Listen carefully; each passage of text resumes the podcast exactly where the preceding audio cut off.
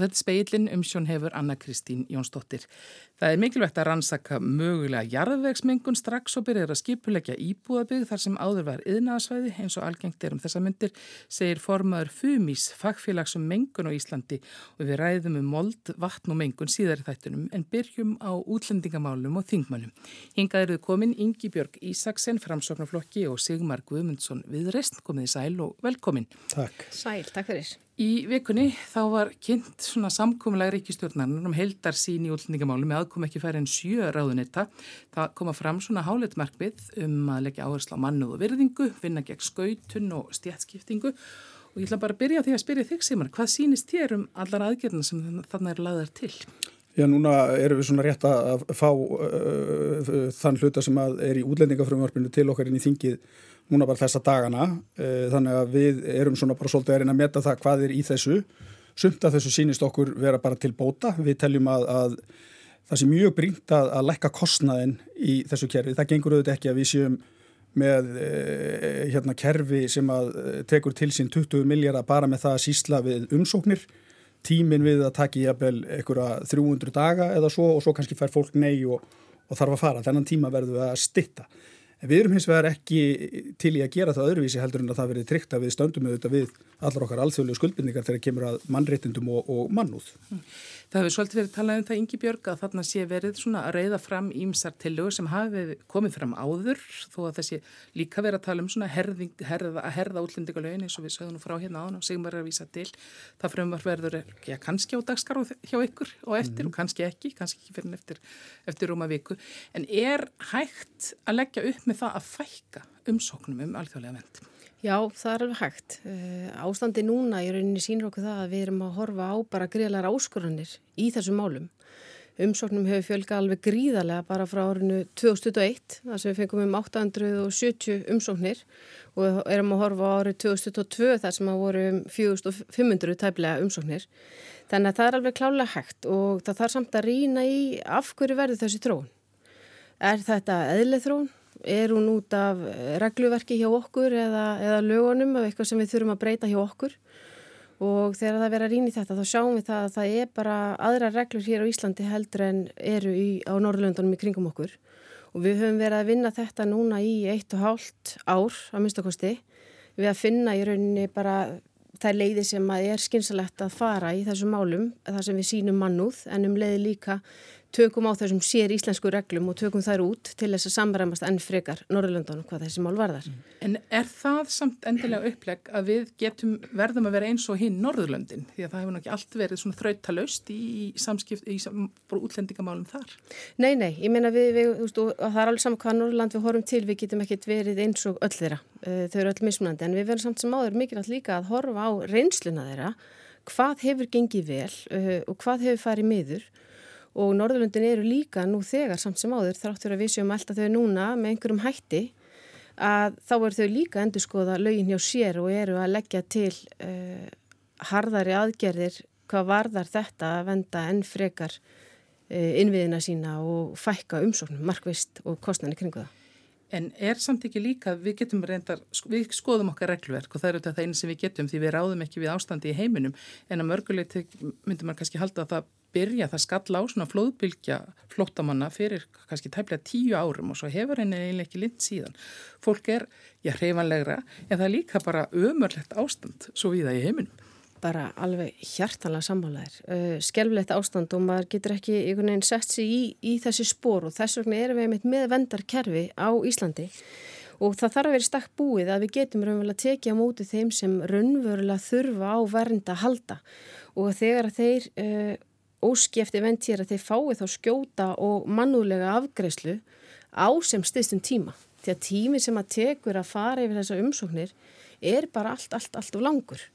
Og á þeim tímapunkti þá í rauninni eða á því tímabili þá er fólk eðlilega að koma sér fyrir í samfélaginu og er með börn sem að fer inn í leikskóla og grunnskóla og það er þingra bara en tánum tekur að, að hugsa til þess að rífa þetta fólk upp frá rótum þegar loksins niðurstaða kemur. Þannig að það er það sem við þurfum að skoða líka í kringu regluverkið og er einmitt eina tiljónum núna inn í þessum aðgera pakka, það er að ráðandi skoða þá stitti uh, þetta ferli niður í 90 daga sem að er líka í rauninni hefur í förmið sér uh, gríðarlegan sparnað því að þetta er í rauninni eins og sem að koma inn á þetta er hluta til stóri kostnæðurinn í kerfinu. Það er að hvaða tekur langan tíma að afgreða þessar umsóknir. Já, Þetta er ekki um fyrsta skipti sem er talað um að stitta afgreðstíman í kerfinu. það, það er verið að tala um að markmiðið er að, að stitta þetta í 90 daga hjá útlendingastofnun og svo aðra eh, líka nýri 90 daga hjá, hjá kærunendinni og náttúrulega verið að tala um það að, að breyta því hvernig hún er skipuð og, og svona ímsir þættir í þessu, í þessu frumarfi en það sem við höfum svolítið verið að benda á það er að umræðan um útlendinga og hælisleitundur á Íslandi, hún er búin að harna alveg svakalega og við erum ekki að sjá það að það getur verið gott að vera með eitthvað kerfi sem að ríkja endalösar deilur um í samfélaginu að, að þetta er svo ótrúlega viðkvæmur hópur sem að þarna er undir. Mér hefur fundist skorta svolítið á að, að það sé verið að tala út frá staðrendum, þetta er mjög tilfinningahlaði mál. Ég menna það eru sko 90% allra útlendinga á Íslandi eru ekki hælisleitundur, 90% það er bara talan eh, helmingurinn af hælisleitnundurum koma síðan frá Úkrænu og það er engin að tala um að, að, að hérna herði eitthvað með þau, þau eru áfram velkomin eins og við höfum gefið okkur. Og þá er eftir kannski svona 2000 manns, það er núna eitthvað áttak í gangi að, að reyna að flýta því að, að fá niðurstöðu í mál Venezuela búana sem að enn er inn í kerfinu, þeim eru sennilega flesta, flestum vísað á burt. Og þegar við erum búin að taka þetta frá að þá eru við kannski e-, eftir með svona þúsund manns. Og mér finnst mjög skakt alveg sama hvaða skoðun við höfum á hælisleitundakerfinu að stilla því þannig upp að, að þessi litli hópur uh, búið til eitthvað óendalega mikið álag á innviðin okkar. Það er ekki þannig, sko. Útlendingar almennt hérna á Íslandi, hvort sem þeir komið gegnum hælisleitundakerfi eða gegnum ES-samningin uh, sem er nú raunin með flesta. Þetta fólk eru þetta að vinna á hilbreyðistofnunum okkar, öldrunastofnunum, skólum, leikskólum. Þetta fólk vinnur í ferðarþjónustunni, þetta fólk vinnur í hérna, byggingar innaðinum og mér finnst svona þegar umræðan er einhvern veginn farin að snúast um það eins og gerðist ég að formanni samfélkingar á dögunum að þetta væri eh, sko fara að vera spurning um að geta ekki verið með velferðarkerfi vegna þessa fólks þegar að raunin er eiginlega svo að þetta fólk auðvitað heldur ákveðin leitu upp í velferðarkerfinu með því að vinna einan þess. En er raunhæf nálgun eins og við talaðum um að umfaðum að þetta allt saman þegar við erum að tala um svona í eiginlega gjör ólíka hópa er, já, ég, í útlendingamál? Já, auðvitað er þetta ólíkir hópar en, en það hefur vantast svolítið upp á tölulegu staðrændirna sko. Veist, þetta er samt svolítið lítill hópur en breytir því ekki að þessi litli hópur uh, við erum að kosta mjög miklu til til þess að afgreða umsóknunar og það er bara of há fjárhæða í þetta fari ykkur í 20 miljardar á, á ári sko. Reyndar hefur nú verið mjög mikil verðbólka í þessum tölum, þetta voru nú einhverju 15 miljóri hérna fyrir e, fáanum mánuðum og svo eru þeir 16 og svo 20 og 21 og allt þetta sko. Hvað finnst þér að það mætti vera mikil? Ég, ég ætla ekki að nefna neina tölu, ég held hins vegar að fólk verði að gera sig grein fyrir því að við, e, og ég er ekki alveg sammálaði sem Ingi Björg er að segja, við getum stýrt í hversu margir koma til okkar í, í og sækjum uh, vernd vegna þess að, að okkur ber skilda til þess samkvæmt genfarsáttmálunum og flótamannarsamlunum að ef að fólk kemur að þá þurfum við að, að, að skoða hvort fólk er rétt á því að vera hérna. Við getum hins vegar auðvitað breytti innan okkar kervis hvert ferlið er sko og það hlýtur auðvitað að vera megin markvið. En ég fagnar því að, að það er að skoða þessi útlendingamál heilstætt og taka þá líka inn inngildingu allra þeirra sem eru að koma, líka þeirra sem eru að koma í gegnum með samninginu. Já, uh, varandi með þetta sem að Sigmar er, er að benda og varandi að við getum ekki stýrt í hverju koma einna, auðvitað getum við kannski ekki stýrt í nákvæmlega en við getum haft áhrif á það hvort fólk sjáu tækifæri til þess að koma hér til landsins eða ekki út frá reglunum okkar og, og vinnulægin okkar. Og ráþæra hefur, eh, dómsmálar þeirra hefur talað fyrir því meðal annars að auka eftirlit á landamærunum varðandi þá sem hafa endurkomubann. Við höfum nú fengið frettir af því e, núna undarfarna mm. daga varðandi einstakling sem var vísa á landi í fyll lauruglu en einmitt kom bara stuttu setna aftur til landsins. Þannig að þetta er eitthvað sem við getum hert við erum líka að fella út þarna aðra málskræðin 37 greina sem er þetta sér íslenska ákvæði sem að í rauninni gerir stjórnvöldum skilt að kanna sérstaklega aðstæðir og sérstaklega tengst í málinn þeirra sem hafa þegar fengið vend annar staðar og með því að fella þetta þá ber stjórnvöldum ekki skilda til að skoða mál hvers og eins sem að einmitt hefur fengið vend annars þar og það er eitt af því sem að getur líka haft áhrif á fjöldan sem að er að koma erna mm. en ég tek alveg hjartalega undir því uh, með Sigmari varðandi upplýsingarnar og umræðina um þessi mál. Það er sko að var mikilvægt fyrir okkur að fara ekki í einhverja polarisera umræði um þetta því að hópatnir eru mismunandi, við getum ekki settu öllum dreitt hatt. Við erum hérna með einstaklingar sem er að sækjum dvalarlefi og atunulefi og er að taka þátt í okkar hagkerfi að halda því gangandi og er að sinna alls konar störfum fyrir okkur. Og þetta er einmitt sérfræðimenta fólk sem er einmitt inni í heilbrískerunum okkar og annars þar, nýsköpun og fleiri stöðum. Og þetta er greiðilega mikilvæg mannuði fyrir okkur uh, sem svona litla þjóð hérna á Ballarhafi ykkur staðar. En síðan erum við með þessa kvótaflótamenn sem eru um 100 ári sem hafa alltaf verið gengur og, og gesti gegnum tíðina sem er í rauninni sérstaklega unni með hjá saminuð þjóðunum út frá okkur vissum, vissum ferlum og svo erum við með þessa sem eru að sækja um stöðu hærisleitenda hérna á Íslandi. En þú veist það er að við þurfum að, að tala út frá staðrindi það verður afar mikilvægt líka mm. og sína ábyrði í, í þessar umræðu. En það er stundum talað um það okkur bara opnum við ekki bara meira, við lefum bara fólki að vinna þegar það kemur. Já, ég meina að þú veist það er eitt en á móti kemur líka þá koma einmitt innvitin til sögu. Við erum búin að vera hérna byggja púsnaði hérna og við erum nú þegar í vandraðum Við erum núna með 2100 Íslendinga, nei 2100 eh, einstaklinga sem eru umsækjendur um alþjóðlega vend sem eru einmitt velja núna í búsitúraðum og vegum vinnumálstofnunar. Eh, okkur skortir húsnaði fyrir þetta fólk og það er rauninni kannski rauði þráðurinn í gegnum allt er að við viljum taka mútið fólki sem nöðsla þarf á því að halda og við viljum geta tekið vel á móti þessu fólki. Við viljum að það geti fengið húsnæði, það geti sót helbyrstjónustu og það geti fengið kennslu við hæfi. Við erum að fá núna einstaklinga inn í mentakerfi okkar til dæmis. Börn uh, sem að jafnvel hafa aldrei farið í skóla, hafa ekki setið á skólabekk og þau eru sett jafnvel í framhaldsskóla. Þau skil ekki tungumálið okkar, þau hafa aldrei, þú veist, þau kunnir ekki verið í skóla. Án þess að það sé ykkur greiningar, þannig að við þurfum að skoða kerfi okkar í heilsinni til þess að geta tekið vel á móti þessum einstaklingum sem við erum þó að gera. Þetta er stórt og umfangsmikið eins og, og við vita og kannski erfitt að nú auðvitaðnum þetta og summa þetta á stutnum tíma. En það á eftir eiginlega ganga frá því og tala um mál sem hefur verið svona uppspretta deilina mjög lengi. Og það er að tala um það, um það þegar fólk kemur og svo, við, svo er búið að hafna því að sinja því um vernd og vísaði á landi. Og það hefur stundum ekki gengið vandraðalust eða það hefur verið erfitt og þetta er allir kannast í þenn ræðilega myndir af því þegar verið að senda fólk úr landi og lokað búsetúræði, er það ekki bara fangils? Sko, það er alveg einn ein eh, leið fyrir fólk til þess að skilja það og ég ímynda mér alveg, eða ég get vel skilið það að það sé myndin sem kemur upp í huga fólk þegar það heyrir þetta. E, svo bara spurning hvað við köllum þetta og hvernig við útfærum þetta og við vitum alveg að svona úrræði, það til dæmis myndi aldrei ganga fyrir börn en uh, ég, ég áður en ég fyrir eitthvað ákveð hvernig þetta verður hér eða hvort það verði að veruleika þá myndi ég bara vilja fá að sjá og uh, lesa um það með hvað hætti þetta er hugsað. Þannig að þetta er eins og ég ímynda mér að þá sé einstaklingar þarna sem að emmi tafengi höfnun og, og þeir eru hér ólögulega í landinu og þeir séu þarna. Já, sem, að, sem að taka ekki tilmælum um, um nei, að fara. nei. Þetta er alveg svolítið óljóst sko hvernig þetta er vegna það hefur verið talað um e, þessi búsetúr þegar fólk er einmitt að fara. En nú er búið að bæta við inn í hugmynduna að þetta verði líka möguleikur á móttökubúðir og annað. Og mér finnst þetta bara svolítið óljóst en þá sko. Við höfum auðvitað ekki nákvæmlega sé hvernig máli lítur út, þetta er ekki partur af útlendingarlögunum sjálfum og, mað, sjálfum og maður sér það að VAFG til dæmis er augljóslega ekki sátt við að fara þessi leið Þannig að við í stjórnarhanstunum þurfum við þetta bara svolítið að býða fyrir að sjá hvað, hvernig stjórnin semur um þetta sín og milli og þá kemur eitthvað til okkar inn í, inn í, inn í þingið. Sko. Býðið eftir niðurstöðu sprett hópsins. Sko. En haldið það að þetta komi verið lagt fram eða mælt fyrir þessi kvöld? Já, það á að reyna það, en ég átta mikið alveg á því hvort það náist að við tekið tíma að ræða grindavíkumálun dag.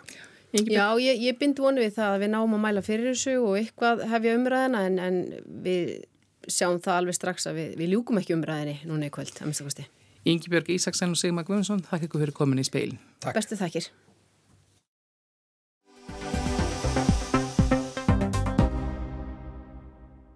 Nýtt fagfélag um mengun á Íslandi, FUMIS, var sett á laginna fyrir skemstu. Markmið félagsins er að stuðla að aukinni þekkingu á mengunni jarðvegi, yfirborsvatni og jarð- eða grunnvatni á Íslandi og vönduðum vinnubröðum í öllu sem að henni lítur. Þá er félaginu ætlað að stuðla að auknu samráði og samstarfi þeirra en bætta, stopnana og fyrirtækja sem starfa á þessum vettvangi. Formaði félagsins er Erla Guðrún Hafsteinsdóttir mengunarsjárfræðingur sem starfaði um árabil við mengunaráðgjöf í Ástralju en flutti heim fyrir fjórum árum og hófstarf hjá Verkís. Þá kom það í ljós alltaf betur og betur að í rauninni hefur þessi máluflokkur svolítið glemst á Íslandi hvað varðar hvernig vinnubröðum er beitt við rannsóknir á mengun og hvað hreinsunar aðferðum er beitt.